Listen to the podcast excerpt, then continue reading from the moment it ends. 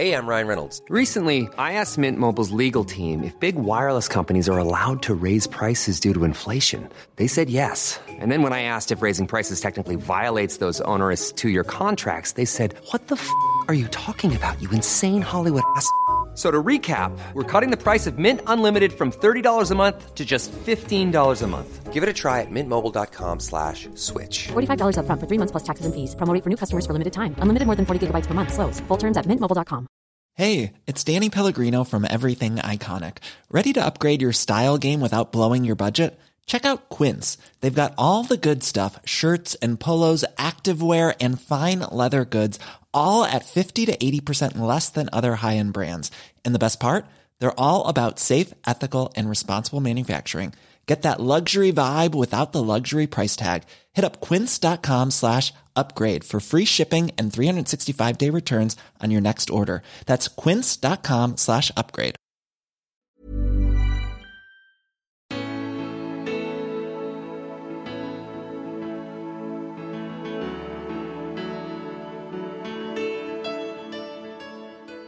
Eh, och, och då har faktiskt eh, då har Systembolaget eh, berättat för oss att deras vakter fick skilja kunderna åt hur de stod och slogs i affären. Så det var ju flera, ja, det var säkert 100 meter kö i Nordstan. Och, och det var samma faktiskt, så våran fondkommissionär fick problem att hantera alla teckningar som kom in den första dagen då. Det var en, en Ja, det var helt galet. Eh, jag kommer ihåg att jag vaknade tre på natten och så gick jag in och, och kollade på Google Analytics och det var, jag tror det var över eh, 80 personer eh, inne mitt i natten klockan tre och det var kanske 15-20 som precis hade köpt. Ett riktigt lyckat öl har hög hinkabilitet. Då är vi nära Nirvana på Poppels. Mats Wahlström startade Poppels bryggeri tillsammans med 14 andra delägare 2012. Och sedan dess har utvecklingen gått i ett rasande tempo. En av hemligheterna till framgången är att skapa delaktighet.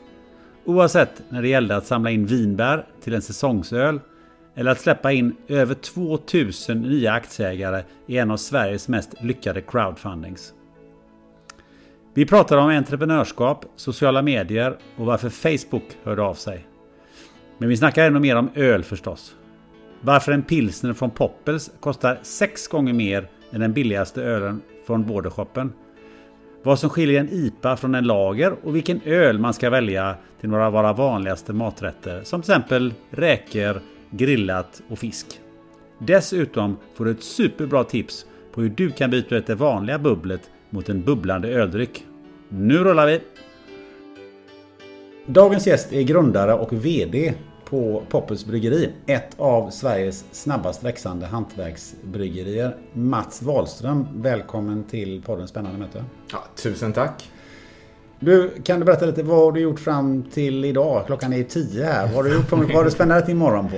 Så min morgon, eh, vi sitter här, det är ju fredag morgon. Eh, Så att eh, igår var jag ute ganska sent. Eh, var ute, vi håller på och snidar på våran restaurang. Så jag var ute och eh, provåt lite nere på stan. Ehm, jag brukar försöka vara här i alla fall innan åtta. Men det blev väl halv nio idag. Ehm, så jag tog cykeln hit ut. Ehm, sen så har vi, eh, det är fredag, så då brukar vi inte brygga och vi brukar inte tappa utan då ägnar vi oss åt att städa på bryggeriet. Eh, Så jag var nere eh, och när jag säger nere så beror det på att vi sitter uppe i ett konferensrum och tyvärr så har vi inte kontoret. Eh, Det hänger inte ihop med bryggeriet längre för vi har växt så snabbt så att det har liksom inte gått att få ihop lokalfrågan på ett bra sätt. Men så jag var där nere och vi gick igenom och vad vi ska göra under dagen och sådär. Och eh, sen så eh, har jag precis eh, dykt ner i ett Excelblad när du kom. och begrundat försäljningsstatistik av lite olika slag. Det är några beslut som man behöver fatta var tredje månad eh, när det gäller eh, öl och, och hur det ska vara tillgängligt på Systembolaget och sådär. Så då behöver man titta igenom och, fundera på det. Och statistiken kändes positiv. Ja men eh, det, vi är ju precis igenom juli månad så att det, det, det råder inga sorger på ett bryggeri då. Är det den bästa månaden? Eh, juli och december. Eh, så att det är ju, man brukar säga att det är en säsongsbransch. Så att eh, december till januari 50% ner. Eh, så vi brukar ju skämta så här att vi inte är överförtjusta i nyårslöften. Och eh, det är det där. Utan vi, vi kan tycka att, eh, nej men, eh, fortsätt lite mer som vanligt. Det, går, det blir ju eh, ett, ett oerhört eh, ras helt enkelt. Så det är ju lite jobbigt eh, att ha ordning på att brygga upp innan och hur mycket blir det kvar efter och sådär. Men det är ju, alla branscher har ju sina utmaningar. Men eh, juli, är det också väderberoende? Är det, är det fint väder så blir det dricks mer öl eller? Ja, men så man räknar ju förra sommaren eh, säger man ju var plus 10 procent eh, eh, soligt vädereffekt. Mm. Denna sommaren eh, har ju varit ganska neutral. Vi har haft en, vad kan vi haft? En, vi hade väl 10 fina dagar i juli. Och sen så hade vi ganska regnig, tråkig start på juli och det märks. Så direkt när solen är framme och det är sommar då, då rasslar det till. Mm. Och det märks också att folk Eh, köper öl eh, mer jämnt över hela veckan. Måndag, tisdag, onsdag, torsdag. Och när det inte är semester så är det, eh, följer det en annan rytm. Då är det ju fredag, lördag och sådär. Så att, och till en början med så blev man ju väldigt överraskad och förstod inte riktigt alla de här effekterna. Så mm. Oj, oj, oj, vad händer nu?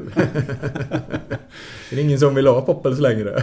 du, nej, just det. Du, um, vi sitter ju här i ett konferensrum ja. uh, precis mitt intill produktionen som du sa i Jonsereds gamla fabriker. Ja. Mellan, ligger mellan Göteborg och Lerum. Precis. Uh, de här lokalerna eh, känns ju, eller de här byggnaderna känns ju väldigt hantverksmässiga.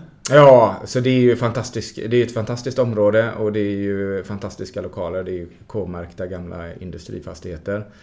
Uh, och runt om så ligger ju också uh, diverse olika bostad, bost, äldre bostäder och skolor och, och sådär.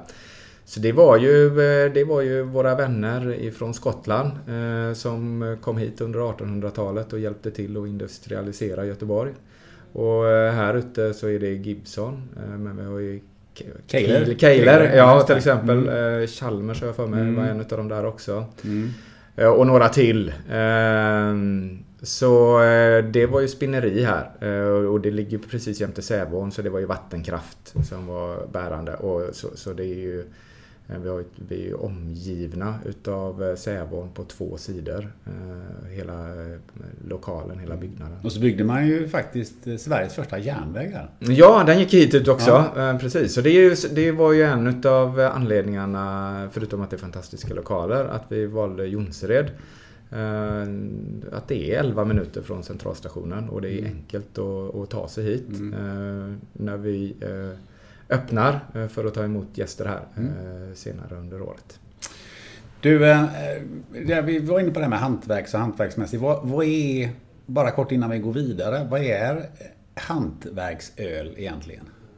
Så vi pratar om så här säger vi då, eh, tycker vi på Poppels. Eh, och många bryggerier med oss som är en del utav den här hantverksölstrenden då. Eh, mm. Vi tycker att det finns ju 120 officiellt definierade ölstilar. Fortfarande är det så att nästan 90% utav den öl som dricks i Sverige är utav en ölstil. Den heter internationell lager. Och i den ölstilen finns det många olika exempel. Eh, olika varianter av Carlsberg, olika varianter av Spendrup. Eh, och du har Heineken och, och, så vidare och så vidare och så vidare. Eh, jättebra öl, eh, fina representanter för sin ölstil. Men det finns 119 till. Vi tycker det är lite tråkigt. Eh, det finns massa, massa, massa alternativ. Och de alternativen tycker vi då eh, parar ju ihop med mat och ger helt andra upplevelser eh, än, än eh, industrilager till all mat. Då, skulle man kunna säga lite förenklat. Så in, om man säger industrilager då, ehm, då brukar vi prata om två olika saker som man gör. Eh, det ena är att man pasteuriserar ofta ölen. Och då hettar man ju upp ölen och dödar ehm, för att döda eh, alla typer av eh, bakterier, lite förenklat kan man säga. Eh, och det är ju bra, fantastiskt. Då får man en stabil öl. Det är ju... Hantverksöl är ju en levande produkt. Då får du en död produkt. Det betyder att den smakar samma länge, över ett år. Ehm, men det, det vet vi ju alla som håller på att mikra mat och sådär då. Till exempel. När du värmer så det försvinner ju mycket av smaken. Och det gör det också när du pasteuriserar. Så att eh, mycket av smakdjupet och smakdimensionerna försvinner där. Och sen så är det väldigt vanligt och dessutom att man sterilfiltrerar då. Så att man filtrerar med extremt finmaskiga filter. Och då tar vi ju bort ytterligare eh, av eh, de här smakämnena då. Så det är ett sätt eh, att förstå det då. Så det betyder ju att en hantverksöl, ja okej, vi har mer råvaror. Vi eh, pasteuriserar inte, vi sterilfiltrerar inte. Eh, Och eh, då får vi ju väldigt, väldigt mycket mer smakvariation. Och sen så låter vi ju också ölen ta sin tid. Vi stressar den inte när den jäser och sådär. Vi, cirkulerar runt en öl på ungefär fyra veckor. Eh, och det är helt andra eh, cykler än om man tittar på, eh, på storindustriellt eh, producerade öl. Eh, och allt det här ger ju, hjälper ju till att ge den här smakvariationen tillsammans med eh, lite olika gäststammar. Och Bra, vi kommer att komma in på, på lite olika detaljer när det gäller öl och vad, vad som Mm. skiljer det ena och det andra. Då, va? Men, men jag tänkte innan vi gör det så tänkte jag kolla lite grann med dig. Vad var de första, vad, vilken, vilket är det första ölmärket du kommer ihåg som du drack? Jag kommer ihåg att jag var utbytesstudent i USA. Då kommer jag ihåg att det- ja, men då drack vi Coors eh, och då drack vi Löwenbrau. Och då var ju Löwenbrau var ju, eh, vad ska man kunna säga, motsvarigheten till finöl idag. Båda är ju eh, av typen in, internationell lager, by the way då. Eh, om man se- är ju riktigt vatten. Ja, det är riktigt vattnigt. och dessutom tror jag att det var den eh, av någon anledning Coors Light. och så var det ju dessutom väldigt låg alkohol på den då. Ja, det. Men det var något av den första ölen som du... Som, Ja, precis. Ehm, alltså, men ganska snabbt så var vi ute och tågluffade. Och bland annat kommer jag ihåg vi var eh, i Irland och då började vi dricka Guinness och pröva att smaka det. Eh, och det var samtidigt som eh, eh, började dyka upp Guinness på något eller några ställen här i Göteborg då. Så jag har alltid druckit öl som har sen, sen jag varit ung som har varit vid sidan utav så Pripps Blå var inte... eh, jag har druckit det med, absolut. Och jag tycker fortfarande det finns tillfällen liksom. Men varför alltid? Det är väl det är, det är parollen. Man, jag, den, det passar, ibland är det bäst liksom. Mm. Men varför alltid? Det, är- det, det är väl så vi tänker liksom. Nej, men för jag kommer ihåg att eh, de första ölen jag stiftade bekantskap med när, när jag var i den åldern då, lite under 18 då, Ja. eh, så var det ju Dart.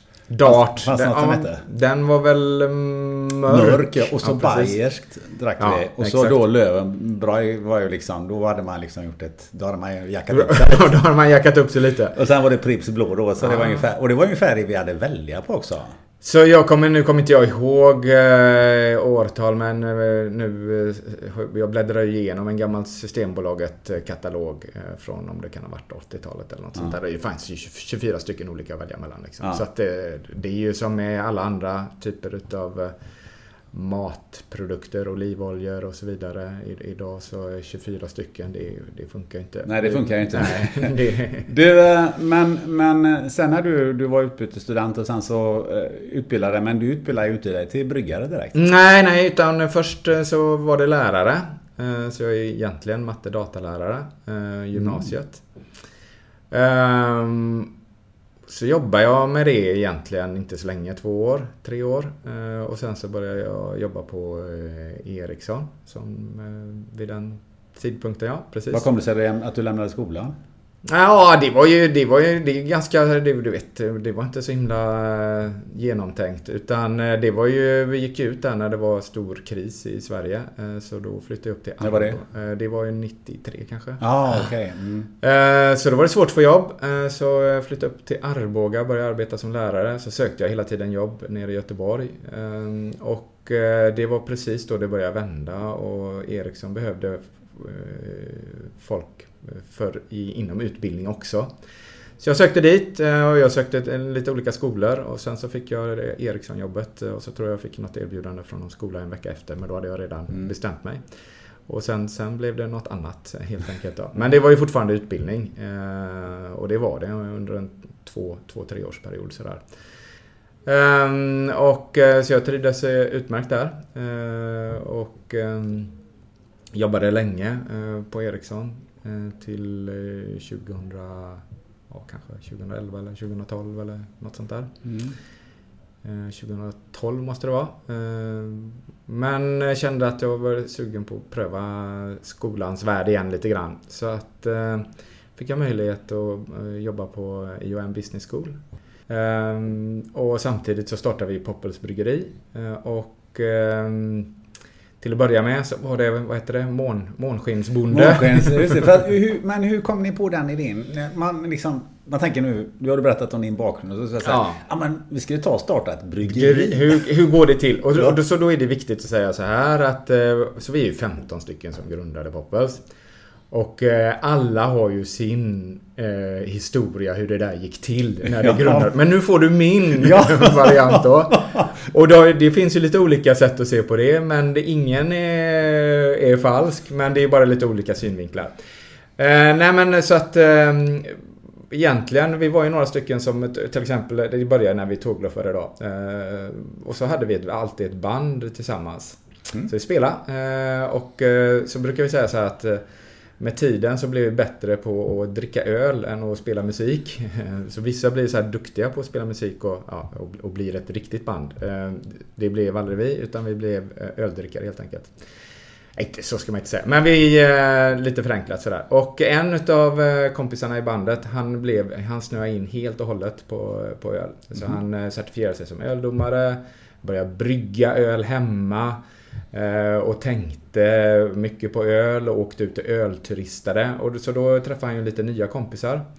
Eh, och såklart att de satt ju alltid och drömde om att man, ja, bryggeri, eh, det skulle man starta, det hade varit kul. Och, men det var ju svårt där då. Alla förstod ju att det, det, krävs mycket tid och det krävs pengar och det krävs omsorg och det är starta ett bryggeri inget som man gör i en handvändning. Och, och framförallt eh, så, eh, så, så, känner man att vi behöver någon som engagerar sig liksom på heltid för att få bryggeriet att funka om det ska bli, eh, om det verkligen ska bli någonting. Så det där, det var mycket snack under några år. Men en sen kväll på en ölfestival nere på Klippan Eh, så, eh, så var trummisens styvson eh, var med vid, vid bordet. Han var också ölbryggare och men han hade inte riktigt kommit lika långt i, i livet som vi andra så han hade inte amorteringar och bilar och, och familjer och sådär då. Så han sa, men jag kan bli bryggmästare. Och oftast så, så blir ju det där bara en, det, det är bara det fejdar ju ut. Mm. Eh, man kommer hem och söndag och så är man lite trött och så. Ja, det var ju kul men det där var nog inget.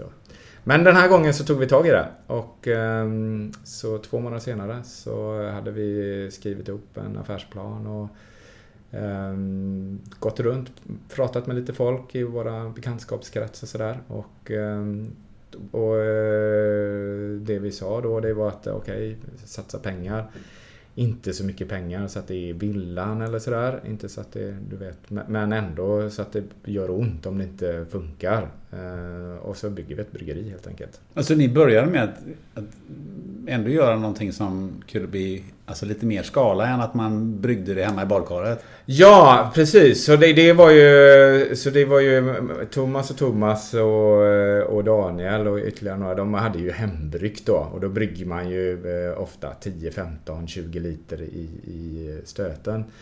Men bryggarbranschen är ju väldigt eh, eh, speciell. Eh, att vi, vi är ju väldigt öppna och vi delar ju med oss mycket av eh, information. Det finns få hemligheter. Ehm, och ehm, eh, så vi pratade till exempel med, med Mikael, eh, ja, med Mikael Dugge då. Ehm, och vi pratade också med eh, en, eh, en utav vad ska jag säga, bryggarlegendarerna i Sverige som heter Jessica. Och sådär. Och eh, det var väl eh, det var deras eh, input var liksom Börja inte med 200 liter, börja inte med 100 liter utan det, ni, Går det bra, vill ni göra något vettigt utav det så, så behöver ni hoppa över det steget liksom. Utan eh, gör något lite större. Och lite större i det här fallet var 1000 liter då. Ett 1000 liters bryggverk. Vad, vad, liksom, vad behöver ni för, vad var insatsen som ni la in? Ja, alltså vi la in eh, mellan 100 och 200 000 kan man väl säga då. Per person? Per, per person då. Eh, då klart, då får man ju hyfsat med utrustning för det. Ja, eh, så att det var ju ungefär 2 miljoner kronor kan man säga när vi startade det bryggeriet. Och det skulle ju täcka utrustning och sen så är det ju så här starta, starta bryggeri då det är så här åtta månaders utgifter, inga intäkter. det är ju den fasen. Ja, just det. och så du... Eh, och sen så var det ju lön eh, till Daniel då. Så Daniel var en bryggmästare. Han var ju avlönad från start och jobbade heltid och kunde jobba heltid. Både med receptutveckling och med att bygga upp bryggeriet då. Det är ju ett, ja, det är ett ganska komplicerat Så hur lång tid projekt. tog det innan ni liksom hade första Tusen liters. Ja, så det var ju magiskt eh, såklart. Det, var ju, det kommer man ju ihåg nästan som det vore igår. Eh, så vi startade ju, eh, jag tror vi startade aktiebolaget kanske i februari eller mars. Och sen så var det första ölet på systemet i början på december. Men vänta lite, för gör man inte sådana här mellansteg att man får liksom få ut det lite grann på krogen och några sådär. Utan ni går rätt på, gick rätt på systemet alltså? Ja, eh, på systemet och på krogen. Eh, vi kanske hade ölet en vecka innan på krogen. Jag kommer inte ihåg. Men det var en ganska tight eh, tidplan. Vi ville ju hinna med den här julen. Vi hade ju ändå fattat att julöl var ju något sådär. Eh, så att eh, vi kämpar på rätt hårt då. Och eh, tror jag också då om vi jämför med många av våra kollegor så var vi ju Okej, så det var Daniel jobbar fulltid men vi var också en fem sex stycken runt Daniel som ju månskensbryggde och hjälpte, jobbade igenom alla tillstånd och ju, om du tittar på systemet så, så, är det ju, ja, det är ju främst tillstånd och, offertprocesser och sådär som du ska igenom. Så vi hade koll på den tidplanen eh, och, och, och, och ville att det Liksom, vi vill ju nå målet och, och vara igång. Men systemet, har de eh, provsmakar de så att men det här ölet det, det säljer vi inte? Eller liksom, hur funkar det där? Så det, det gör de ju. Det finns massa olika modeller på Systembolaget. Eh, så man kan säga på den tiden, då var vi inte så många hantverksbryggerier. På den tiden så tog de in ölet eh, utan att smaka. Eller i alla fall mm. eh, även om det inte smakar så bra skulle man kunna säga då. Och eh, min tolkning är ju att vi har ju ett eh, ja, vi har ju eh, som medborgare i, i EU har vi ju rätt att etablera eh, företag. Och försäljningsmonopolet i Sverige är, är ju en restriktion inom området alkohol. Eh, om det inte är så att, ja för du får ju ingen marknad för dina produkter. Så Systembolaget eh, låter eh, nya bryggerier få access eller tillgång till ett eller två eller tre systembolag. Det där varierar. När vi startade så var det tre systembolag. När förstod ni att det här kommer ju inte att stanna vid några tusen liters brygder och någon öl på systemet utan det här tar ju fart. Så vi pratade ju tidigare om att det dricks lite olika mycket öl. Ehm, och vi startade ju egentligen i december, eh, så det gick ju bra. Eh, och sen så kom den här perioden med när det inte säljs så mycket öl i Sverige då. Eh, januari, februari, mars.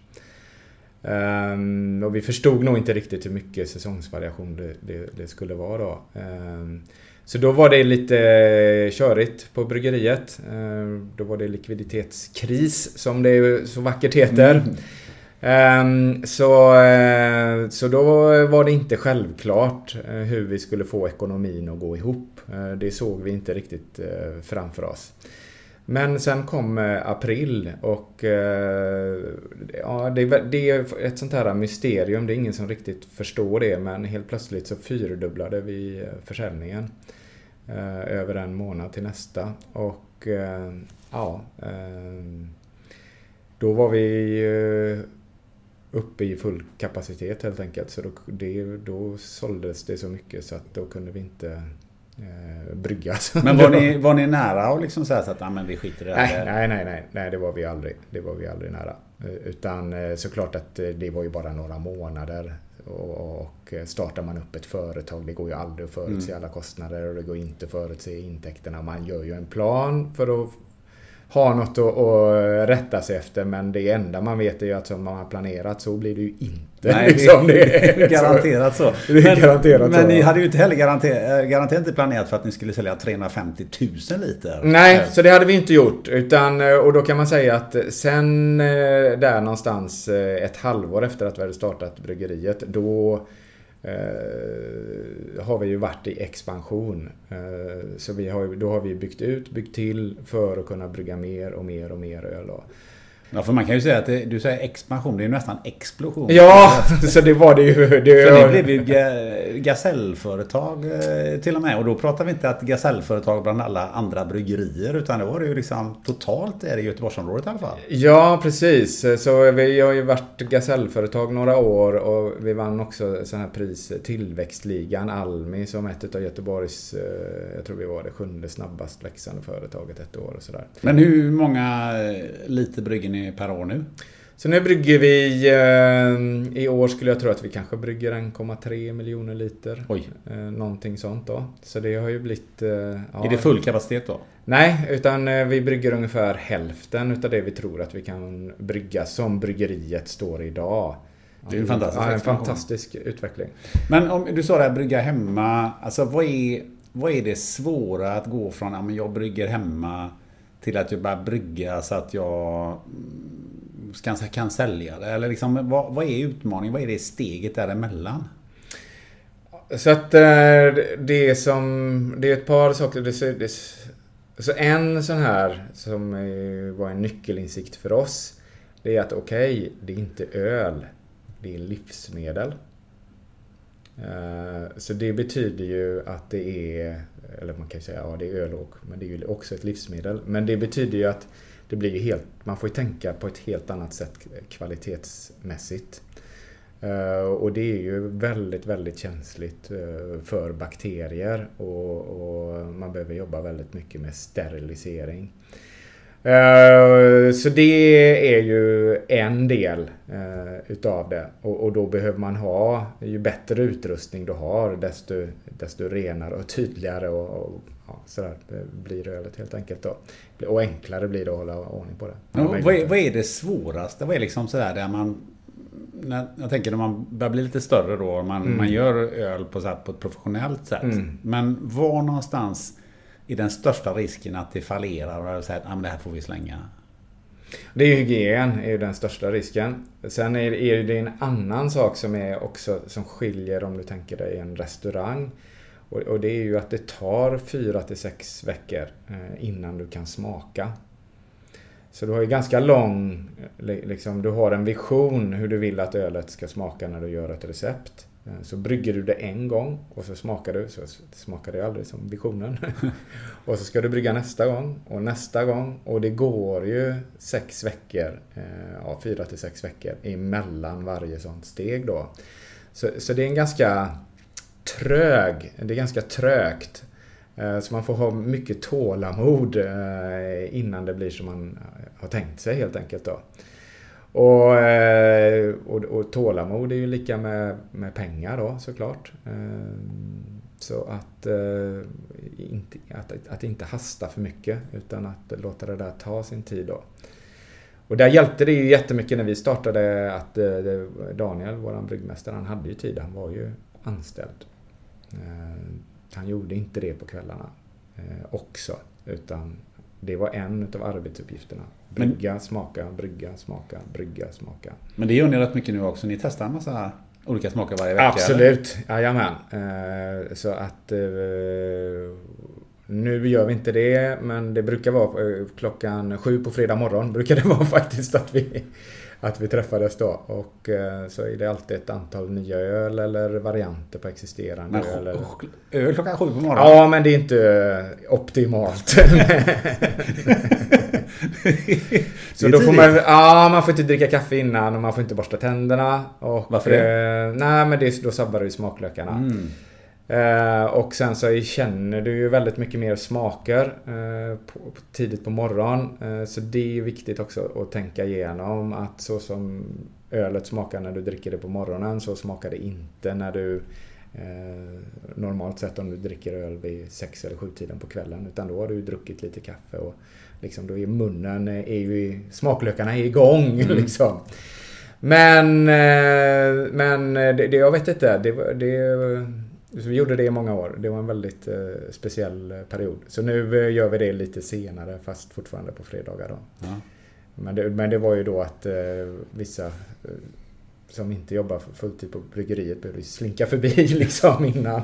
Men det måste ju vara bli en väldigt stor variation. Har ni, kommer du ihåg några sådana här riktiga häxbrygder som har kommit ut ur det där? Som ni känner att det här var det värsta jag har druckit? Alltså vi har inte gjort så... Eh, man kan säga de, då smakar ju vi inte dem. Då, de slängde ju Daniel direkt. Eh, Ja, de, det var hans, det var första. Ja, det var ju första instansen. Det var inte ingen...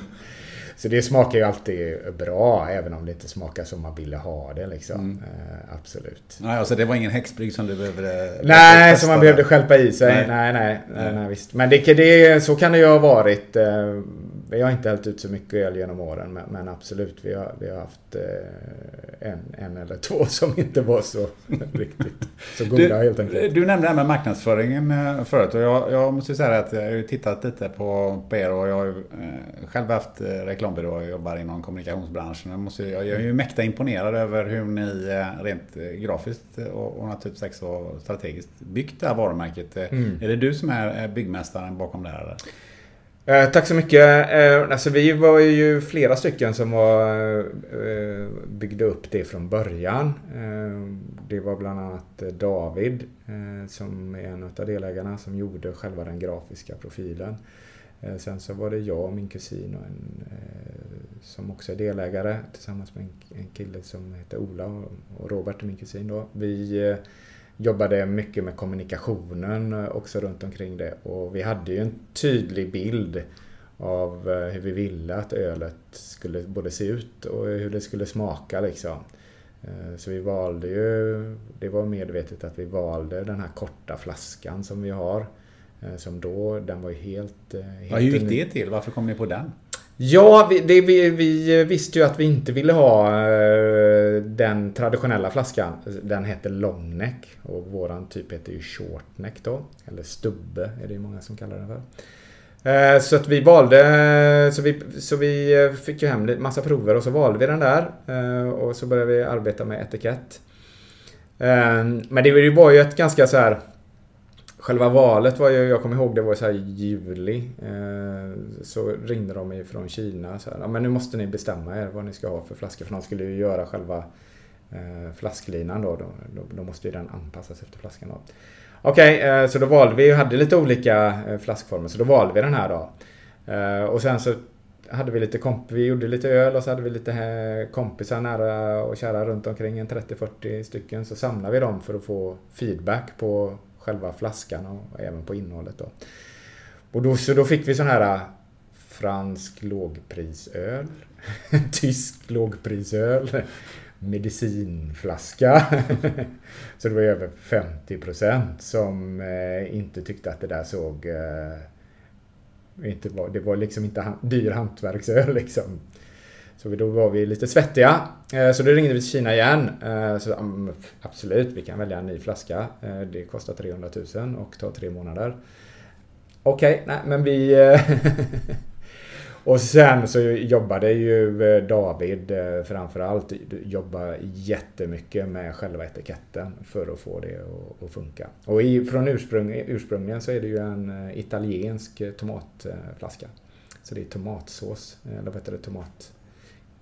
Ja, tomatsås är det i den då. Men det är lite det där entreprenören att man ska, inte, man ska inte göra det som folk säger utan man ska göra lite tvärtom. Ibland är det ju så, eh, verkligen. Och, och, och, arbetar man eh, länge och, och, mycket med det så, så kan man ju få ett sånt, eh, ett sånt, liksom en sån tuff situation och vända den till att bli någonting positivt.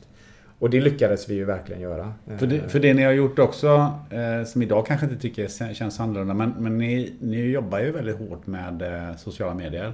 Ja. Och jag har ju kollat upp det, alltså ni har ju Totalt Facebook och Instagram så har ni 64 000 följare. Nu är det säkert några, rätt många som följer eh, samma person som följer på båda de här platserna. Men Alltså om man jämför med så finns det ju ingen som är i närheten av det. Om vi nu pratar svenska bryggerier. Mm. jag kollade faktiskt upp det det finns ju några som ligger på 10, 15, 20 tusen. Men tittar man på Spendrups, de har bara 2 500. Ja.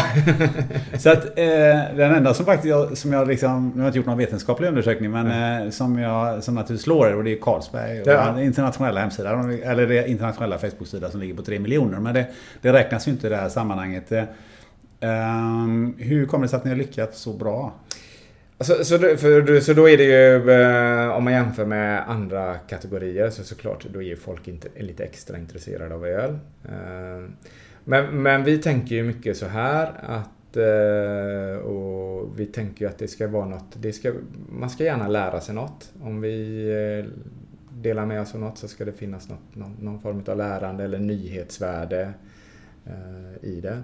Eh, så vi delar med oss av våran var våran vardag och vad, eh, vad, vi tänker och vad vi tycker och sådär. Eh, och försöker att inte upprepa oss för mycket helt enkelt. Såklart att nya öl blir ju...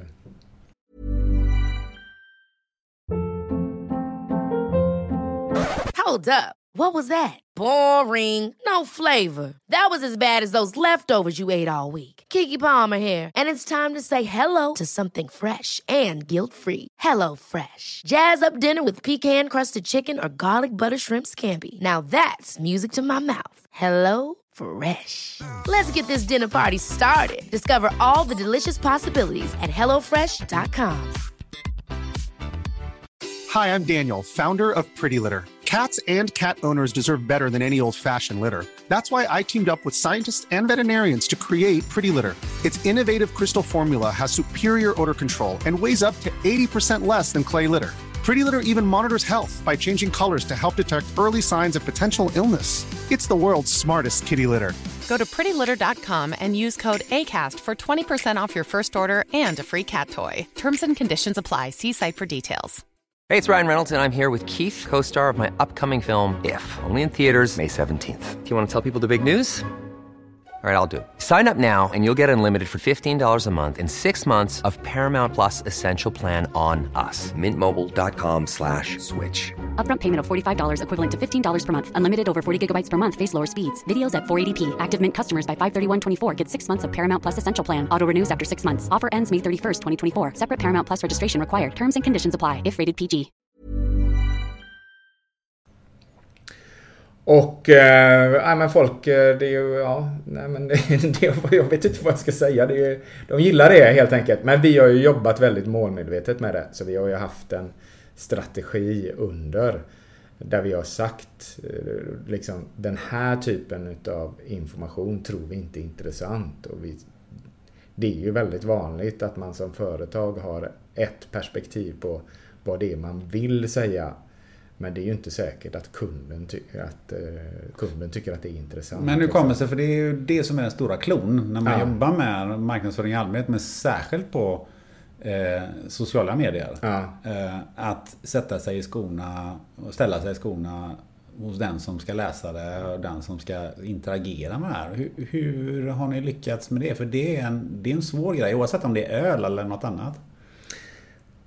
Så vi har ju lagt, då lägger du, så, så, då kan man säga att, så vi lägger ju mycket tid och låter det ta mycket tid. Och från början var det ju jag som gjorde eh, all marknads... Jag gjorde det, ja, satt hemma på kvällarna sådär och, och knepa ihop det, knåpade ihop det liksom. Så jobbar vi med, eh, med bild eh, som var ganska professionell också från början. Ehm, och om du tittar på tiden som du lägger kontra eh, utfallet på varje post eller varje, när du lägger ut någonting då. Eh, så är ju det en ganska jobbig ekvation till att börja med. Eh, om du vill ha mycket variation.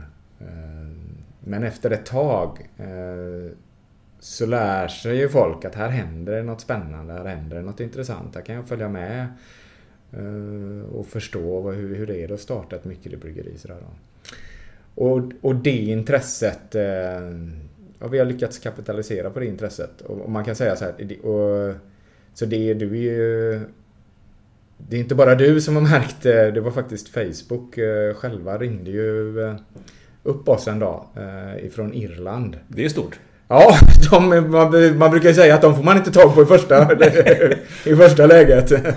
Så då hade vi dykt upp där då på någon, eh, någon, de har väl några, man kan väl se framför sig att de har några skärmar då, som en utav eh, de sajterna i Europa med mest eh, engagemang. Så de ville göra en success story runt liksom, hur, hur får ni det här att funka liksom? Vad är, det, vad är det ni gör och kan ni dela med er det till till, till några andra då. Eh, men vi, och vi försöker alltid att svara sådär när folk... Eh, vi, det, vi tycker det tillhör god ton att svara när folk ställer frågor och, och sådär. Kanske inte att vi svarar på timmen men vi försöker ha en regel att vi ska svara inom 24 timmar och sådär. Ja. Nej, men det, jag kan bara instämma i det för att eh, dels så som jag sa så, så finns det en grafisk konsekvens och en grafisk höjd. Mm på det. Och så är det foto och, och film som är som är, eh, sticker ut och som är, är betydligt mycket bättre. Vi måste lägga oerhört mycket tid på att få kvaliteten på de här inläggen som ni gör. Eh, för att det är ju, jag har ju själv erfarenhet av det där och det är ju ingenting man bara slänger upp en liten iPhone och så snyter man någonting i näsan. Utan det är ju det är bra ljus och det, det är någon som har jobbat med de där bilderna och, och sådär. Så det är ju, eh, och det, och det, eh, och det om, man, om man tittar på bryggare så kan man ju säga att okej, okay, men vi var 15 stycken som startade. Eh, och alla var ju inte, så jag är inte jätteduktig på att brygga öl. Jag är duktig på att smaka öl liksom. Men inte att brygga öl. Så, så det var ju några av oss som startade eh, bryggeriet. Jobbar ju väldigt mycket med ölen. Men jag är ju lika passionerad eh, för öl som för marknadskommunikation då. Eh, så jag la ju jättemycket tid på, på det och, och bli någonting. Och har man hittat, om man väl hittat något som funkar så blir det ju enklare att, att kopiera det och sådär sen då. Och det var ju några kompisar eh, runt omkring eh, som hjälpte till mycket och sådär också liksom, för att få det att och bli bra då. Men sen, det... sen är väl en av hemligheten också att det, det ni faktiskt presenterar där är någonting som man kan använda. Alltså det finns recept. Eh, ni gör öldrinkar och ni eh, talar om vad man ska, vilken öl man ska ha till vilken mat och, och sådana grejer. Vi ska komma in på det lite grann sen. Men, men det tycker jag också att, att då får man ju naturligtvis ett större engagemang när man bara visar att nu har vi fått en nya nu har vi fått ett ny, ny leverans av ölburkar på, på lagret. Så det och det är ju eh, det är ju läraren i mig eh, kan man säga då. Eh, vi vill ju att, vi vill ju att man ska lära sig någonting. Vi, vi vill ju... Um, jag tror inte på att det funkar så här. Drick inte bara internationell lager.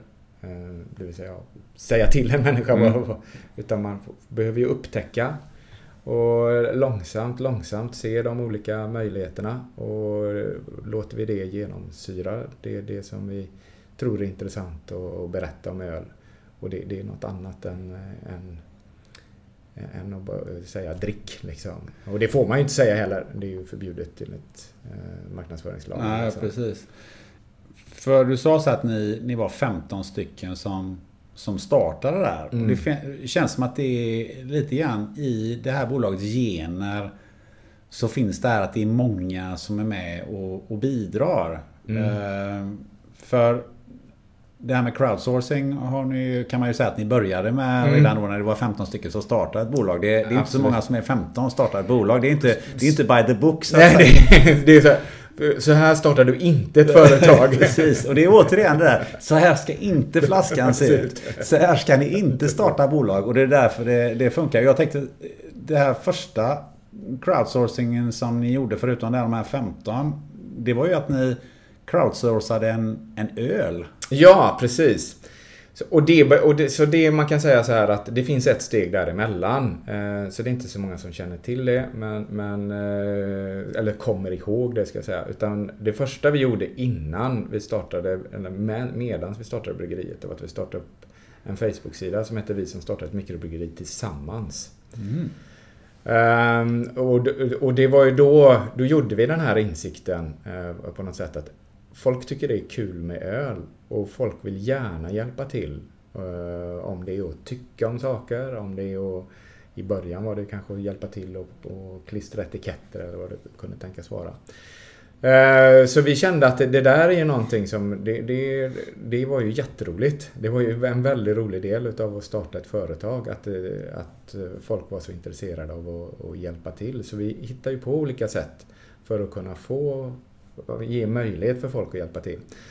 Så, så det var ju det, att vi crowdsourcade som det hette en öl då. Det, det var ju, ehm, ja, vi, vi brukade samlas eh, en gång i halvåret ute i en sån här eh, jaktstuga utan el. Eh, så hade Daniel, vår bryggmästare, det var en vårsamling, så satt vi där ute. Då hade han bryggt upp tre stycken olika smakprover då, som var olika bärvarianter. Eh, och så smakade vi av dem och så kände vi att vinbär, eh, det, är ju, det, är ju, det, det var den som var bäst då.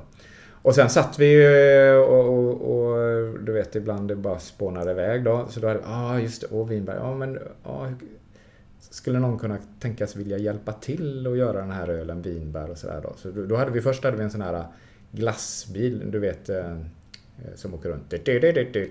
Vi tänkte, ja men vi kanske åker runt i villakvarteren med, som en, med en sån och samlar in vinbär då.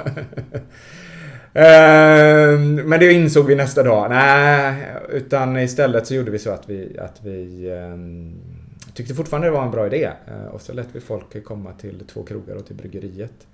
Och eh, man blir ju helt förstummad när, när, när folk kommer med 10-15 eh, liter vinbär som de har plockat i sin trädgård och vill hjälpa eh, oss och, och brygga öl på det då. Eh, så det, vi försöker alltid att, att, att tänka och fundera så. Eh, Vad blir det för öl då? Ja men det blev en, eh, det blev en Saison heter det. Eh, Så det är en belgisk ölstil och säsong, eh, säsong betyder ju säsong. Eh, Så det är en ölstil där man helt enkelt tar det man har i trädgården och så öser man ner i ölet och så jäser man det och dricker det färskt. Ehm, Så det kan man göra på massa olika, massa olika typer av bär och frukt. Sålde du något? Ja, ja, det sålde ju helt fantastiskt. Det måste vara begränsad upplaga va? Så det var ju begränsad upplaga. Första vändan var, att, tror jag vi gjorde 2000 flaskor. Eh, och, då har faktiskt eh, då har Systembolaget eh, berättat för oss att deras vakter fick skilja kunderna åt hur de stod och slogs i affären. Så det var ju flera, ja, det var säkert 100 meter kö i Nordstan och, och, och sådär eh, för, att, eh, för att få eh, en av de här flaskorna då. Och det var 50 personer var det som hade hjälpt till att donera vinbär. Så vi kallar dem för vinbärshjältar. Ehm, och ehm, ja, men det var såklart att ja, man, man blir väldigt rörd på något sätt att det finns, att det finns sånt engagemang. Och genom åren så har vi till exempel, vi gjorde ju det där några år och en gång kommer jag ihåg, då, då var det en, en äldre dam eh, som kom med massa vinbär. Eh, Hon hade sett det på Facebook. Eh, Så, hon, ja, så roligt att någon vill ta hand om vinbären. Ja, så brygger vi öl och den finns. Nej, öl, det, det dricker inte jag. Det. Men hon är bara själva idén att det var någon som ville göra något med, med, eh, med de här bären som eh, annars eh, skulle gå till spillo liksom. Det, det var tillräckligt för att hon skulle vilja liksom komma och ge dem till oss. Det är ju helt... Ja, det är, ja, det är fantastiskt. Vilket engagemang. Och ännu större engagemang fick ni ju när ni gjorde den här crowdsourcingen på riktigt. Och då var det inte vinbär ni skulle samla in? Nej, precis. Utan, ehm, och det, så det, vi har ju pratat lite grann om att vi hela tiden behöver bygga ut bryggeriet. Och det har ju gått, än så länge har det funkat. Eh, vi har ju återinvesterat så vi har ju eh, haft, förutom det där första året med, med sex månaders utgifter och en månads inkomst så har vi alltid varit lönsamma. Så vi har återinvesterat hela tiden då. Tillsammans med banken så har vi klarat av att växa bryggeriet men eh, nu den modellen funkar inte längre utan nu är det eh, ganska eh, stora investeringar som behövs. Så vi behövde mer kapital. Helt enkelt. Och äntligen då, det är ju jättemånga som har frågat genom åren såklart. Om man, kan man investera, kan man bli en del eller, av Poppels då. Så äntligen så, så kunde vi öppna upp för en, en investeringsrunda helt enkelt. Om man ska prata i finansiella termer. Just det, och hur gick den till? Um, Ja, så det finns ju, alltså man kan ju gå till professionella investerare. Ehm, Eh, och det är ju, om man har ett bra erbjudande så är det ett effektivt sätt eh, att göra det. behöver man inte lägga så mycket tid på det kanske. Men eh, vi ville ju ta fasta på den här eh, liksom och bjuda in många, många människor. Eh, vi tror ju att det är en, det är en del av att Poppels är framgångsrikt. Så vi ville ju att fler skulle liksom få känna den här känslan. Det är rätt kul att vara delägare i ett bryggeri liksom och det är något speciellt när man ser den här ölen på butikshyllan och vet att man äger en del utav, utav bryggeriet. Så, så då valde vi crowdfunding såklart för att göra det och, och öppnade upp för att ta in så många delägare som möjligt egentligen. Eh, så att, eh, ja. Hur mycket, mycket pengar behövde ni? Så vi behövde 18 miljoner kronor. 18 miljoner? 18 miljoner, ja. Det är rätt häftigt Ja, men så att det, det är inte... Det är liksom... Eh, ja, det är dyrt att köpa rostfritt. Och... och, och så vi fick ju in 18 miljoner. Det var, jag tror att vi hade teckningar för 46 eller 47 miljoner kronor. Så den var ju, det var ett våldsamt intresse. Så ni kunde, ni kunde ta, fått in 47 miljoner? Ja, absolut. Eh, så kunde det varit. Eh, men vad räknade ni med det? 18 miljoner är ganska häftigt. Det där ja, ja, vi var ju jätte... Det finns ju några sådana här ögonblick i Poppels historia när man har varit ordentligt nervös. Och ett utav de tillfällena var ju såklart när vi tryckte på eh, return-knappen, lansera kampanjen. Eh, så vi hade inte räknat med det faktiskt. Inte i, i vår vildaste fantasi. Eh, det är ändå ett stort steg att, att ta och, och säga att här har vi ett ganska litet bryggeri och, och, och jag är beredd att investera i, i det här bryggeriet. Jag tycker att det, det verkar ha en fantastisk framtid och jag vill engagera mig mer eh, i det. Då. Så det är det vi... Det, men men det, det var samma som, en, eh, samma som när vi höll på med, med vinbärsölen. Eh, vi pratade ju om att då var det ju att folk slogs. Men det var också att servern rasade. Systembolagets server eh, av all trafik. Eh, när vi gjorde den premiären. Och det var samma faktiskt. Eh, så våran fondkommissionär fick problem att hantera alla teckningar som kom in den första dagen. Då. Det var en, en Ja, det var helt galet. Eh, jag kommer ihåg att jag vaknade tre på natten och så gick jag in och, och kollade på Google Analytics och det var jag tror det var över 80 eh, personer eh, inne mitt i natten klockan tre och det var kanske 15-20 som precis hade köpt. Helt otroligt. Ja, helt... Det går inte att föreställa sig liksom hur... Ja, nej, det är ju, Men ni hade man bestämt får väldigt ödmjuk och, och, och, tacksam. Men ni hade bestämt er för 18 miljoner, så ni, men varför tog ni inte in alla 45? Nej, det var ju 18 är ju, var ju behovet. Mm. Eh, så att vi, det är ju, eh, vi ser, det är vårt investeringsbehov som vi ser de närmsta tre åren tillsammans med lite andra krediter. Då. Eh, så det ligger lite större. Bland annat så är, vi älskar ju våran flaska men det verkar som burk blir mer och mer populärt. Så mm. vi behöver en burklina, ny förpackningslina och lite sådär. Och sen då, vad är, om man tittar i, i framtiden här, vad, vad är ni om fem år tror du? Ja, alltså det vi, det vi arbetar mycket med nu det är ju internationell eh, expansion. Eh, så vi tycker ju att det är Och det kan man säga, det, det började ju när vi flyttade hit. Eh, så innan vi flyttade till, ja, innan 2016 då, så kan man säga att vi fick ju massa exportförfrågningar. Men vi hade aldrig öl, så att vi kunde eh, svara på dem egentligen. Men i och med att vi byggde det här nya bryggeriet och kunde brygga mycket mer öl så har vi kunnat svara på dem då. Eh, så det har vi arbetat med i tre år. Så idag kan man köpa Poppels i 35 olika länder då. Eh, och vi är ju, det är såklart man blir ju lite nyfiken om det har funkat så bra i Sverige. Eh, hur funkar det?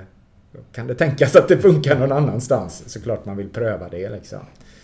Men det måste vara svårt att slå sig in i de här, så, här så kallade ölländerna. Eller kanske lättare, typ Tjeckien eller eh, Tyskland eller de här stora ölnationerna. Så det är ju både och. Eller det är svårt. Eh, det ska man... Det är svårt. Och det, så det finns ju en eh, ölkultur och mindre nyfikenhet. I Sverige är vi ju ofta ganska nyfikna på nyheter. Det finns inte samma naturliga nyfikenhet. Men såklart att i Tyskland dricker man mer och mer humlig öl, IPA-öl, om man vill kalla det för det. Men det går inte alls lika fort, eller det är inte alls på de nivåerna som det är i Sverige. Då. Um, Vad är den största potentialen, tror du? Vilket land? För er? Mm, ja, så vi är såklart, eh, om man tittar på de fem största hantverksölsmarknaderna så är det USA, England, Tyskland, Ryssland och Kina. Ryssland? Ja, det trodde du inte. Nej, jag tänker rysk... Eh, alltså för det första så tänker man Ryssland, det är vodka. Och ja, för andra, så det är spritbältet eh, då. Har, har man druckit eh, rysk öl en gång så gör man aldrig om det. Helt fel! Jaså? En fantastisk blomstrande mängd hantverksbryggerier i Ryssland numera. Är det så? Ja, absolut. Ja, jag, jag drack ju, i och för sig ska jag säga så här, rysk öl har jag inte druckit sen efter att muren föll. Så, att, Nej. så det har hänt jättemycket ja. eh, där. Och det händer mycket. Ja, det, det händer ju över hela... Det är ju ett globalt fenomen. Eh, idag så, så pratar vi tidigare om att det är 10% utav ölen som säljs i Sverige som är hantverksöl. Så där är man inte alls i, i Ryssland eller absolut inte i Tyskland. Där man kanske på 1 eller 2%. Kanske aldrig kommer till 10% men eh, om det skulle bli 5% eh, den den utvecklingen så är det ju, det är ju enorma eh, marknader eller möjligheter. Då. Så, eh, så vi jobbar ju delvis med dem då. Eh, och sen så finns det också vissa sådana här som du inte trodde skulle finnas på den listan. Mm. Italien till exempel. Mm. Mm. Bryggt hantverksöl länge. Mm. Och eh, många som vet vad det är och som vill ha det. Så det är inte bara vin. Eh, och sådär. Så det, och sen så har du de klassiska eh, Belgien då till exempel. Då. Du, jag tänkte att vi skulle komma in på lite det här med att förklara lite olika ölsorter. Mm. Alltså jag kommer ihåg då eh, när, jag var, när jag var barn ja. så, så drack ju eh, Eh, farsan kunde ju dricka någon öl då till söndag eller lördag. Ja. Och då var det den här eh, med de här två gubbarna. Den ja, ja. heter Perikles och så här One Ash Mega in two West ja, ja, det, tyckte jag, det tyckte jag, det var nog till mina första minnen. minnen. Och sen var det möjligtvis den här TT 3000 eller, eller eh, eh, Pripsöl eller någonting Precis. sånt där då va. Men, men, eh, men det är ändå då malt humle, gäst och vatten. Ja, Och så åstadkommer man så många så olika, olika eh, öltyper som man knappt kan, kan, kan räkna till. Men jag tänkte säga att om vi ger oss in här i ert sortiment lite grann. Ja, precis. Eh, för att jag tror att det är många som är intresserade av vad, vad, är skillnaden och vad, vad, är det för någonting egentligen? Så att ni har ju någonting som heter Jonsereds pilsner och så har ni någonting som heter modern lager. Och jag antar att det är två ölar som ligger ganska nära varandra. Så de ligger, de ligger helt riktigt ganska nära varandra. Och det är också de som ligger närmast Periklas, eller vad de heter nu då. Eh, och då kan man säga att pilsner, ja, men då, vi har lite mer malt, lite mer råvaror eh, i den. Kommer ursprungligen från pilsen i, i Ja, Tjeckien, men eh, inte från, eh, utan det är en tysk eh, variant utav den då. Eh, så det är små subtila skillnader. Okay. Men det finns ju, du har internationell lager, sen har du ju en 4-5 stilar som ligger ganska nära mm. internationell lager. Då. Så det är en utav dem, den, den, våran pilsner där. Och sen kan man säga modern lager då. Eh, den lager ligger ju nära pilsner också, eller en variant kan man säga. Och eh, modern i det här sammanhanget betyder att vi har humlat den mer. Vad innebär det?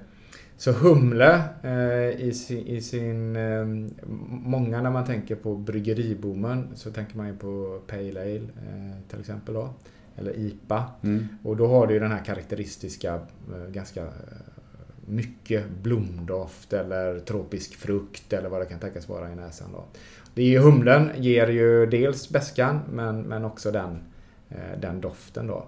Så då har vi eh, hum, använt mer humle så du får lite, du får lite mer eh, eh, mer utav den karaktären fastän du har en ljus öl i botten eh, kan man säga. Så då pilsner, nästa steg mot eh, IPA i modern lager då. Och då har vi IPA och sen har vi någonting som heter DIPA. Ja, precis. Så det är enkelt. Eh, Så IPA är, är India Pale Ale då.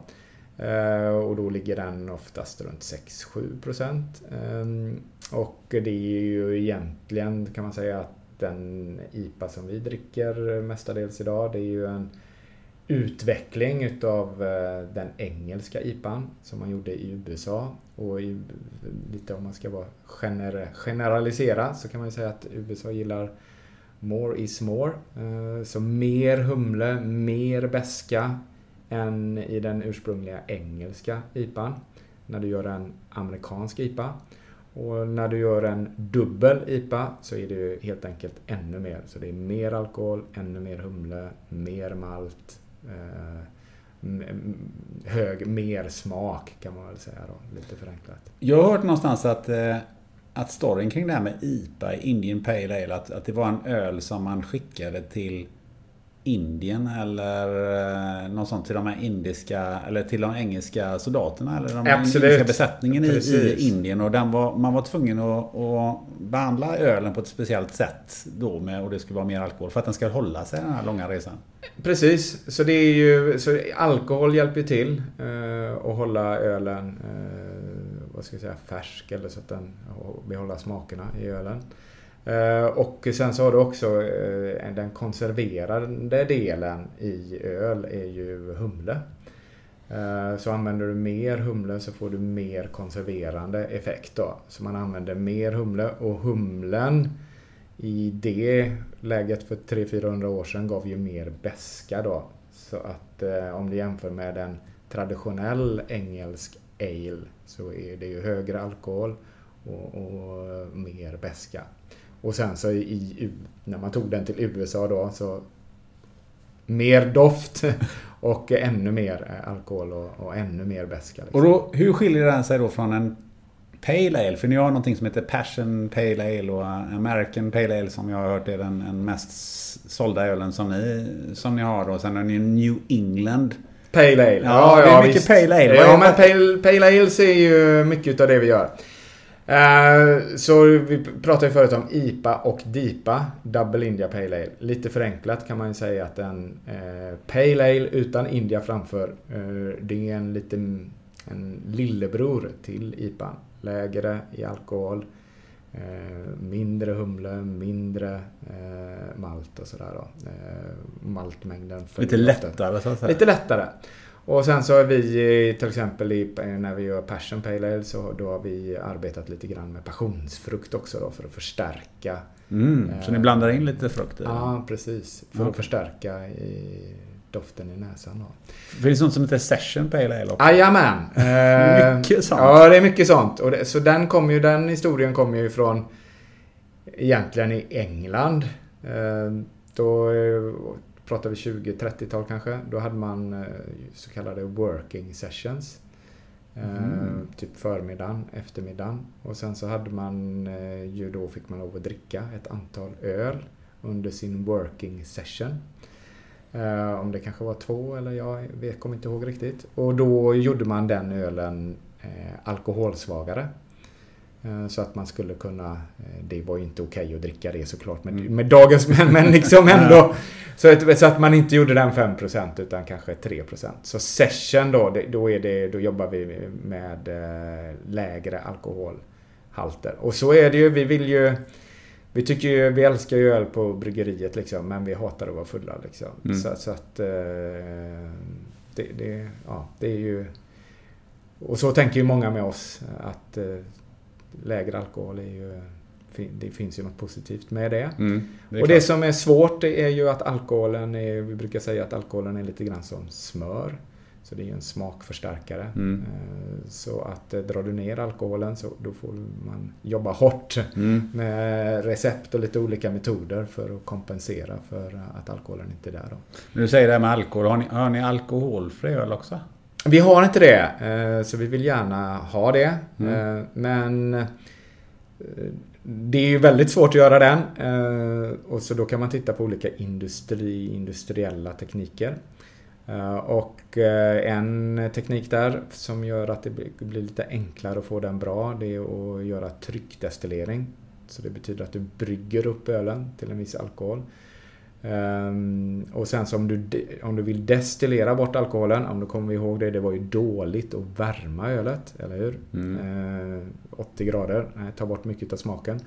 Så istället då så kan du trycksätta ölet eh, och då kan du destillera bort alkoholen vid 20 grader istället, eller 22 grader. Eller 20, jag är ingen expert på den Mm. tekniken då.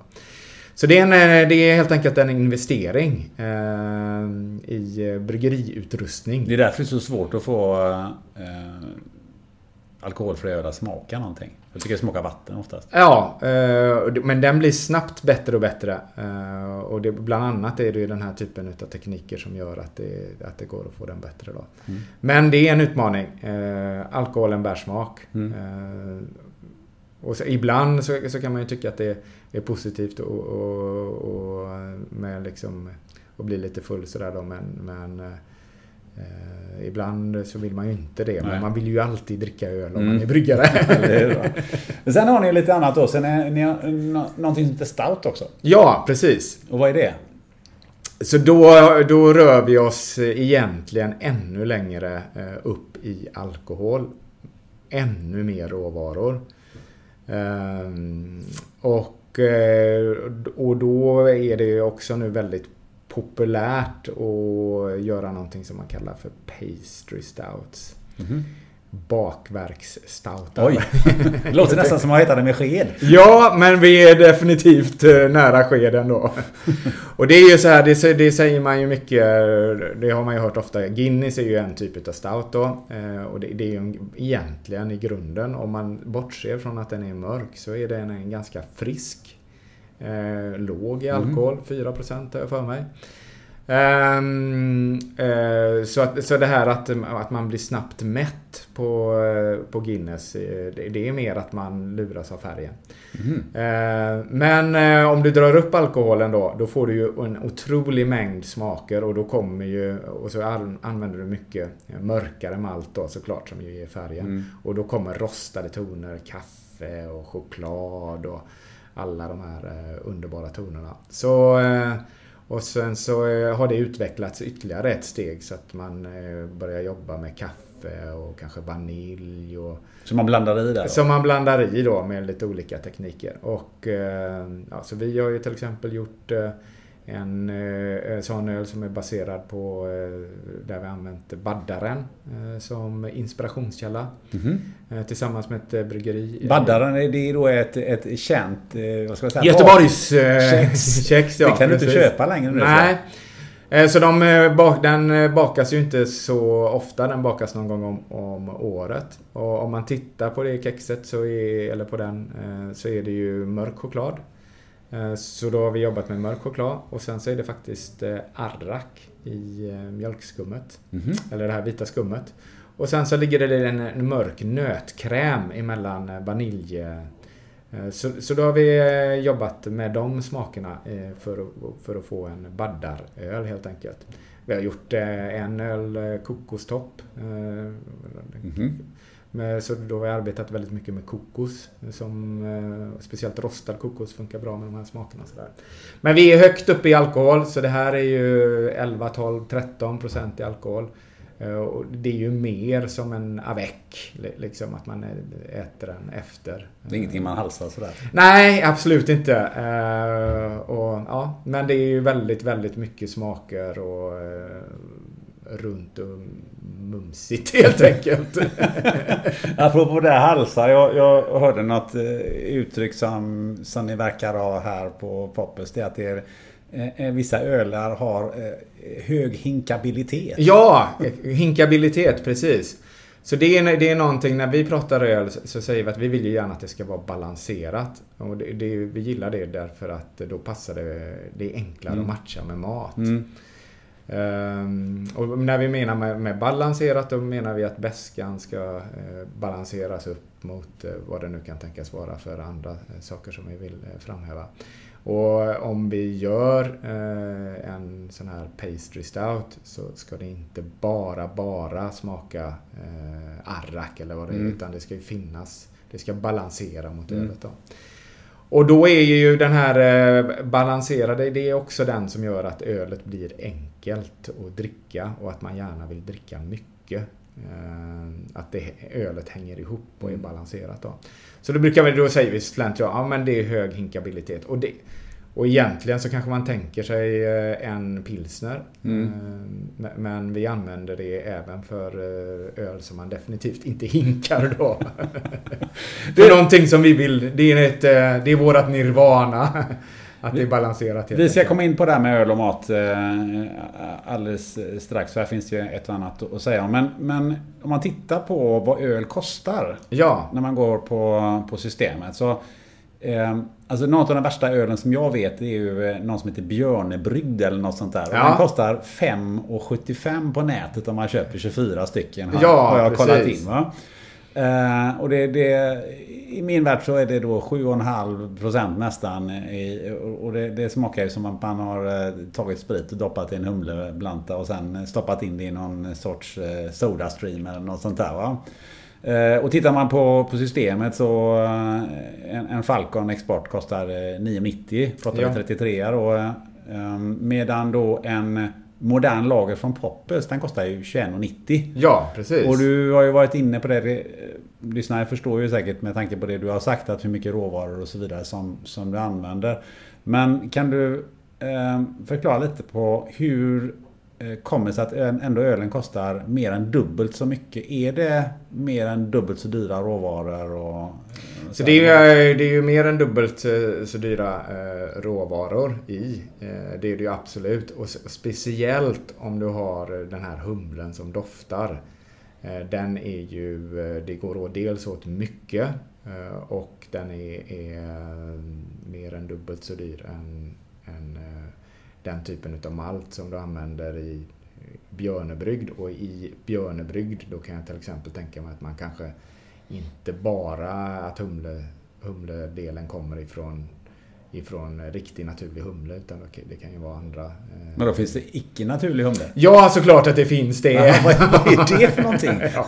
Men det finns ju olika substanser som... Eh, så du som, menar att det inte är humle i alltså? Att det, det, kan vara, kan vara det kan vara ju delat med humle eller humleolja eller eh, den typen utav... Eh, Eh, det kan ju vara att man använder majs istället för malt. Och, ja, det finns ju massa olika, eh, olika delar där som man kan arbeta med.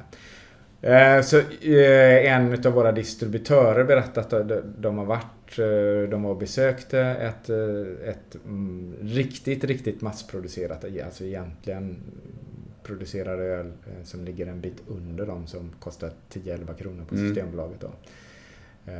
Så där är bryggprocessen är att de brygger ett öl, 12 procent.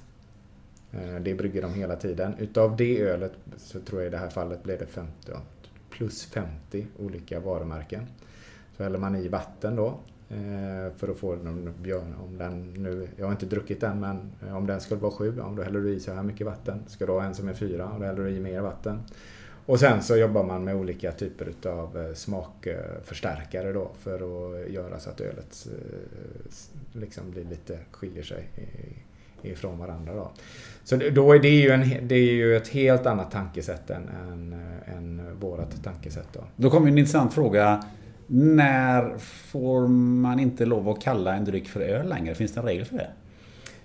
Uh, ja, så det är lite olika, uh, olika ställen i världen. Uh, och där det är hårdast reglerat är i Tyskland. Då pratar man ju om Reinheit, Reinheitgeburst. Ja, renlighetslagen då. Mm. Eh, och, då- och då måste ju ölen, eh, den får bara vara baserad på malt, humle, jäst och vatten. Eh, så till exempel enligt Reinheitsgeburst så är ju, vi pratade ju om Passion Pale Ale tidigare från Poppels, innehåller passionsfrukt. Den följer inte Reinheitsgeburst. såklart inte kokosöl och sådär heller då. Och såklart inte om, om man jobbar med olika typer av smaksättare då, lägre ner i, i, i registret då. Men det är ganska intressant att, eh, att man kan sälja en, en öl för, ja, nu pratar vi här 21,90 men, men om du tänker gå upp på en dubbel IPA eller någonting Ja. sånt där så är du uppe i 30 spänn. Ja. För en, eh, för en 33 Ja, eh, Och att folk är intresserade och att kan tänka sig lägga typ 3-4 gånger så mycket på en öl än vad en, en, en billig öl kostar. ja och, och, och för oss som gör ölen så är det inte konstigt. Och om du går ännu högre upp till, eh, i, till, till, till exempel eh, om vi tar den Swedish Fika då, Biscotti Break som vi gör tillsammans med Evil Twin då. Så, eh, den kostar ju 60 kronor. Och då- Och då brukar vi säga, många säger ju oj vad dyrt. Och då säger vi hur kan den vara så billig? Det är ju fantastiskt. Och då skulle, måste man ju vara med på att eh, den här typen utav öl, eh, och då brygger vi den först. Tre till fyra veckor. Jättemycket råvaror. Eh, mäter, kontrollerar den som en bebis varje dag. Eh, sedan eh, så åker vi ner till Damateo kanske. Eh, diskuterar rostningsgrader på kaffet. Eh, diskuterar eh, olika kakaobönor eh, Eh, med, med Billes eh, kocka kakao eh, på Linnégatan. Och sen så tar vi upp det till bryggeriet och så häller vi ner det i stora påsar som vi låter hänga i ölet. Sen tar vi ut ölet, lägger det på fat i vissa fall. Olika typer utav ofta bourbonfat eller vad det kan tänkas vara. Det ligger där i tio månader, mäter, kollar. Sen tar vi ut ölet igen ur faten, tillbaks på ståltank och så kanske det är några, eh, om det är vanilj, vill vi gärna göra det efter att vi har fatat det. Eh, och sen så ner på flaska. Och så jämför du det med vad du är beredd att betala för en eh, vinflaska. Mm. Eh, Som i och för sig är dubbelt så dyr, men det är samma alkohol, eller dubbelt så stor. Du får dubbelt så mycket, 60 kronor. Ehm, Men den har inte legat på träfat. Nej, den inte har inte eh, haft tepåsar i sig utav eh, choklad och, och så vidare. Och eh, bourbon, vanilj från Madagaskar och vad det kan tänkas vara. Så att absolut. Mm. Det är riktig gourmetöl. Ja, ja men det är det ju, det. Är ju det. Du, nu har vi ju pratat om, om öl. Vi har varit inne och touchat på det här några gånger där med, med mat. Och ni själva är ju rätt eh, långt gångna när det gäller att faktiskt också servera mat tillsammans med, med eran öl. Ja, så det är ju en dröm som vi har haft sedan länge att vi vill öppna en restaurang i anknytning till bryggeriet. Vi ser ju gärna, ja, vi pratade om det tidigare, att man kunde åka tåg hit ut då. Eh, Vi vill ju gärna att det ska bli ett eh, utflyktsmål för folk. Ta sig hit ut.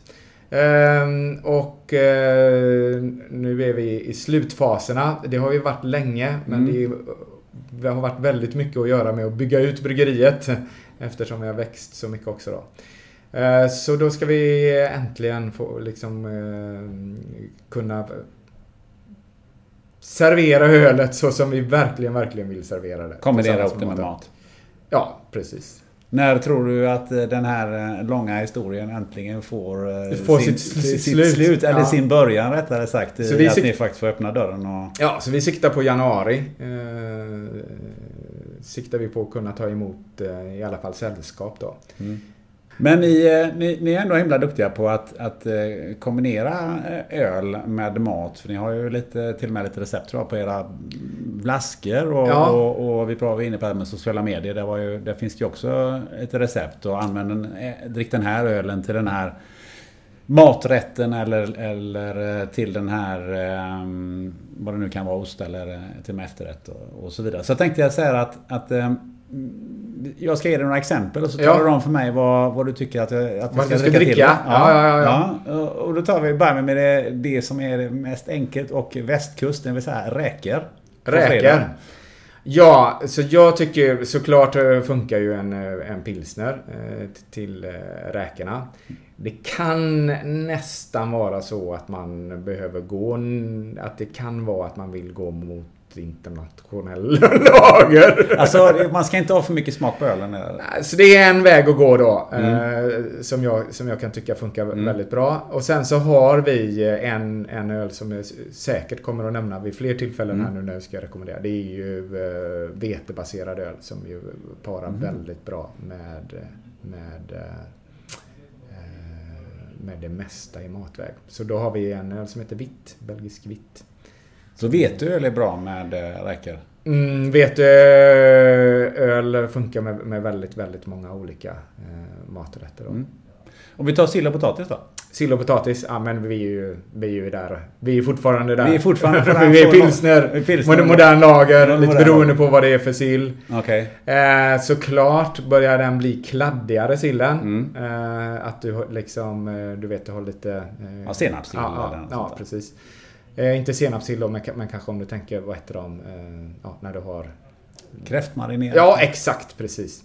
Eh, Men då kan man faktiskt börja tänka sig lite åt Pale Ale-hållet. Eh, Det beror lite på hur den, hur den där krämen är. Men det kan matcha väldigt bra med de här blommiga, lite blommigare smakerna då. Om vi tar eh, fisk i största allmänhet. Vi tar, säg att vi tar vit fisk då. Torsk eller eh, något sånt. Om du kokar eller steker den.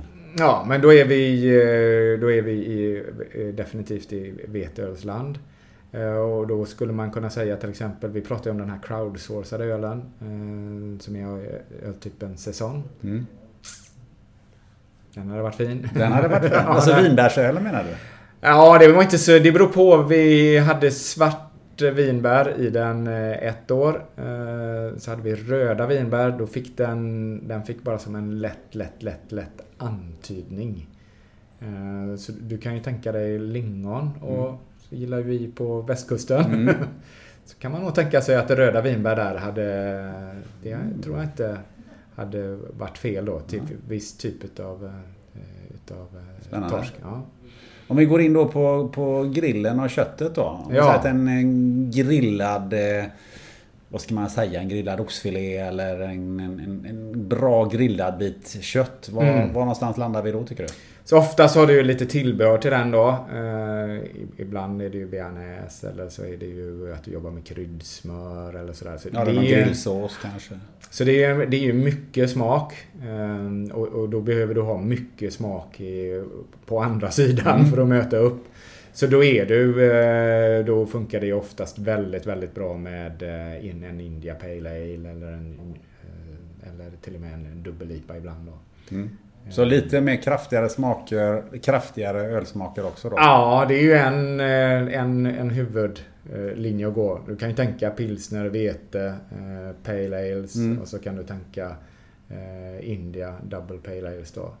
Och till exempel om du går hela vägen ut mot hamburgare med bacon och dressing, ost och eh, gurka och liksom. Ja, men då, det behövs ju Lite fjongig. Ja, men om du vill att det ska möta upp eller Mm. så vill du ju så kan du ju gå andra vägen och gå pilsnerhållet. Och då vill du ju få någon, då vill du ju få, då vill du ju komma åt fräschören. Eh, någonting som lättar upp i, allt det, i allt det feta liksom och i allt det kladdigare. Så man kan gå två vägar Ja, tycker jag. så, det, så det kan du efter, när du har mycket fett så, så kan du gå mot eh, syran helt enkelt i ölen då. Då, då får- får ju du en lätt upplevelse. Eh, lättar upp. Eh, och så smakar det, får du inte så mycket smaktillskott. Så du får ju liksom inte en... Mm. Så det går att gå båda vägarna. Sen går vi liksom till eh, det här med efterrätter och jag har ju, vilket ju mina vänner tycker är mycket märkligt, att jag tycker det är väldigt gott med öl till eh, olika sorters kakor eller kaffebröd. Ja, Eh, är- är det onormalt? Det är inte så många som har upptäckt det ännu, men det blir fler och fler som upptäcker det. så det är ju inte onormalt alls. Vad, vad skulle du välja till, eh, till eh, den, alltså sötsaker egentligen kan man ju om man generaliserar lite grann då? Ja, så, så att du, du har... Du, så oftast är då är det ju på de mer alkoholstarka. Så såklart att olika typer utav stouts funkar ju väldigt bra. Eh, beroende på vad du har för frukt eh, sådär, så finns det också en ölstil som heter Barley Wine. Någonting som jag, min egen upplevelse var den med stout. Jag, jag gillar ju inte den typen av öl mm. överhuvudtaget. Tycker att det, det, det, det, smakar för mycket bränt och sådär. Men, men jag var vid någon sån här eh, ölprovning och så skulle vi då som femte öl prova stout. Jag tänkte ja det blir ju sådär gott. Mm. Och så hade man då en roquefort till. Ja! Och uh, jag gillar inte roquefort heller. Nej, nej! Men, sämst, sämst.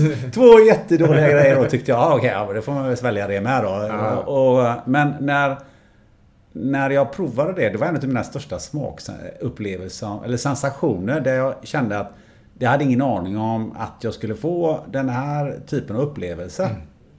Så det är en klassisk eh, eh, kombination när man verkligen vill eh, överraska folk. Eh, mörk, tung stout och, eh, och eh, rockfordost.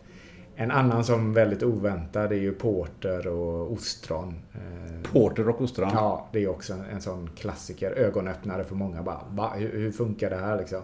Ja, det funkar jättebra. Har du några fler sådana här liksom, överraskningsgrejer? Som... Nej, de eh, sparar vi till restaurangen öppnar helt enkelt. ja, jag vet ju att ni har någon, någon, någon glassöl eller, eller någon Ja, ölglass. så vi gjorde ju en eh, öl tillsammans med våra kollegor eller våra grannar här. Eh, triumfglass. Eh, så... Så då höll vi på länge och funderade runt humle om man skulle kunna göra någonting med, med den här aromatiska i humlen. Men vi kände till slut att vi ville just jobba med stout. Så vad vi gjorde var att vi gjorde en stout-rippel. Eh, så vi mm. kokade ner eh, stout. Jag tror vi kokade den i 72 timmar. Oj! Så den blev tjock, tjock, tjock. Eh, och sen så... Den kunde man äta med sked? Ja, den kunde man äta med sked. Och så ripplade vi den då i, i vaniljglass. Eh, och den, eh, det blir ju en, en dundersuccé. Mm. Till och med mina döttrar gillar den. Okay. Och det är en ganska vuxen smak. Du får ju mycket bäst. Du får ju liksom en smakbrytning mot den söta vaniljglassen sådär. Så du, du vet ibland när du äter något så känner du att det kittlar lite bak i gommen och du behöver ta en klunk eller tugga till liksom då har du ju lyckats som bryggare. ja, Okej, okay, det är måttet. Ja, det är ju ett utav måtten liksom. Mm. Att du, du, det är någonting där som gör att du måste ta en klunk till liksom. Det, och det, den känslan fanns definitivt i den glassen då. Eh, framlockad utav, mm. utav stouten. Du, vi sitter ju här en, en fredag och eh, nu har vi ju gått igenom en del maträtter och, och satt till öl på det. Och jag, innan vi började så hotade jag med att säga nu får du sätta upp en sexrätters här och så får du säga vilken öl vi ska ha. Så att, men jag tycker ändå att vi har, vi har nästan gjort det. Eh, men om vi säger så att någon ska ha, utav lyssnarna ska ha någon, någon eh, ja, men lite folk hemma på, på en lördag. Eh, så kan man ju välja något av de här rätterna och välja till en lämplig öl och så vidare. Men vad skulle du säga att man ska ha som välkomstdryck? För oftast är det, ja men då öppnar vi en flaska champagne eller så är det mm. något sånt. Men man ska ta en välkomstöl. Vad, vad tycker du man ska ha då? Så just nu är ju vi, eh, nu har vi, det finns ju en ölstil som heter suröl. Mm, vad är det? Ja, då använder man sig utav ja, mjölksyra. Så och, och skapar en väldigt ty tydlig syrlig ton. Uh, och sen så jobbar man mycket med frukt. Uh, så vi har gjort en sån som vi helt enkelt kallar för uh, Sour Fruit Ale, Strawberry Dakiri. Mm -hmm. Så jobbar vi med jordgubb såklart då. Strawberry Dakiri, vi har lite mynta i den. Och så den här underbara syran. Väl kyld, mycket mer kyld än vad du Eh, skulle vilja ha så är det en fantastiskt fräsch upplevelse. Kan du pynta den med en jordgubbe eh, eller kanske en limeskiva och en, ett litet myntablad. Eh, servera som lite mer cocktail-liknande former. Fantastisk. entré. Grymt! Vilken, vilken bra avrundning på det här samtalet där med att man nu till helgen så ska vi öppna med den typen av, av eh, öl. När vi Mm. har- får hem lite folk här. Du, nu har vi suttit här och tjatat i eh, nästan två timmar. Oj! Ja. Kanske blir lite klippning på det här men vi får se. Men, men eh, hur känner du det? Har det Ja, det hade jag inte gissat ens. Nej. Men det är, det är ju den effekten öl ofta får och som vi...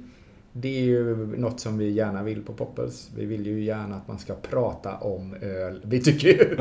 Och vi pratar gärna om öl. Och ibland får man säga till oss Nu är vi trötta. Nu, har ni, nu är det nog. Liksom. Jag tror att du och jag hade kunnat snacka en bra stund till. Va? Men jag tror att eh, eh, lyssnaren kanske tycker att eh, nu, eh, Nu får det att, vara ska, nog. att, vi ska, att nu får det vara nog. Men om du skulle önska någon eh, till den här podden som jag ska intervjua. Vem skulle det vara? Så vi gillar ju väldigt mycket öl på Poppels. Eh, Det hade ju varit spännande att höra någon eh, från vinets värld eh, gå ner sig i ämnet. Ulf Wagner till exempel är ju fantastiskt vinkunnig. Mm, fantastiskt bra tips. Bra. Du, om man vill ha tag på dig eller på er här på, på Poppels och, och följa er. Hur, hur gör man då? Så vi är Poppels Bryggeri, Facebook, Instagram. Jag är mats.poppels.se. Man kan skicka in lite frågor till er. Alltid. Om man har det. Alltid. Alltid. Ja, det är helt underbart. Mats Wahlström, det har varit fantastiskt intressant att prata med dig och jag har fått eh, så oerhört mycket mer kunskap om, om öl. Mm. Ett väldigt intressant ämne. Ett stort tack för att du ville vara med på podden. Mm, tusen tack själv. Nu vet du vad du ska bjuda på nästa gång du ordnar middag för dina vänner. Eller vilken öl du ska beställa på restaurangen till vilken maträtt. Har du frågor, funderingar och synpunkter? Ja, då är det bara att gå in på poddens Facebook eller Instagram-sida. Nästa vecka, då blir det något helt annat. Då ska vi ta oss ut i rymden. Vi ska prata om hur man designar en rymdambulans, diskutera rymdyoghurt och hur man ska bygga en forskningsstation på månen med hjälp av 3D-skrivare. Till dess, sätt dig tillsammans med en vän och sikta mot stjärnorna. Kommer du på något riktigt bra kanske du en dag får råd med din egen rymdresa. Ha det gött!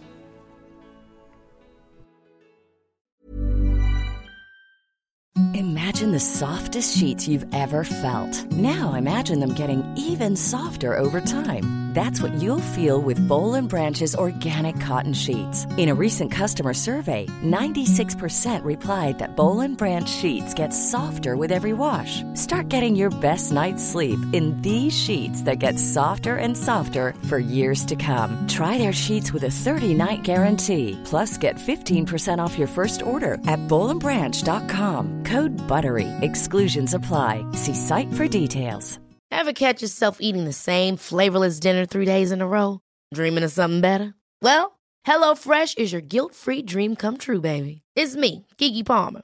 Let's wake up those taste buds with hot, juicy pecan-crusted chicken or garlic butter shrimp scampi. Mm. Hello Fresh. Stop dreaming of all the delicious possibilities and dig in at HelloFresh.com. Let's get this dinner party started.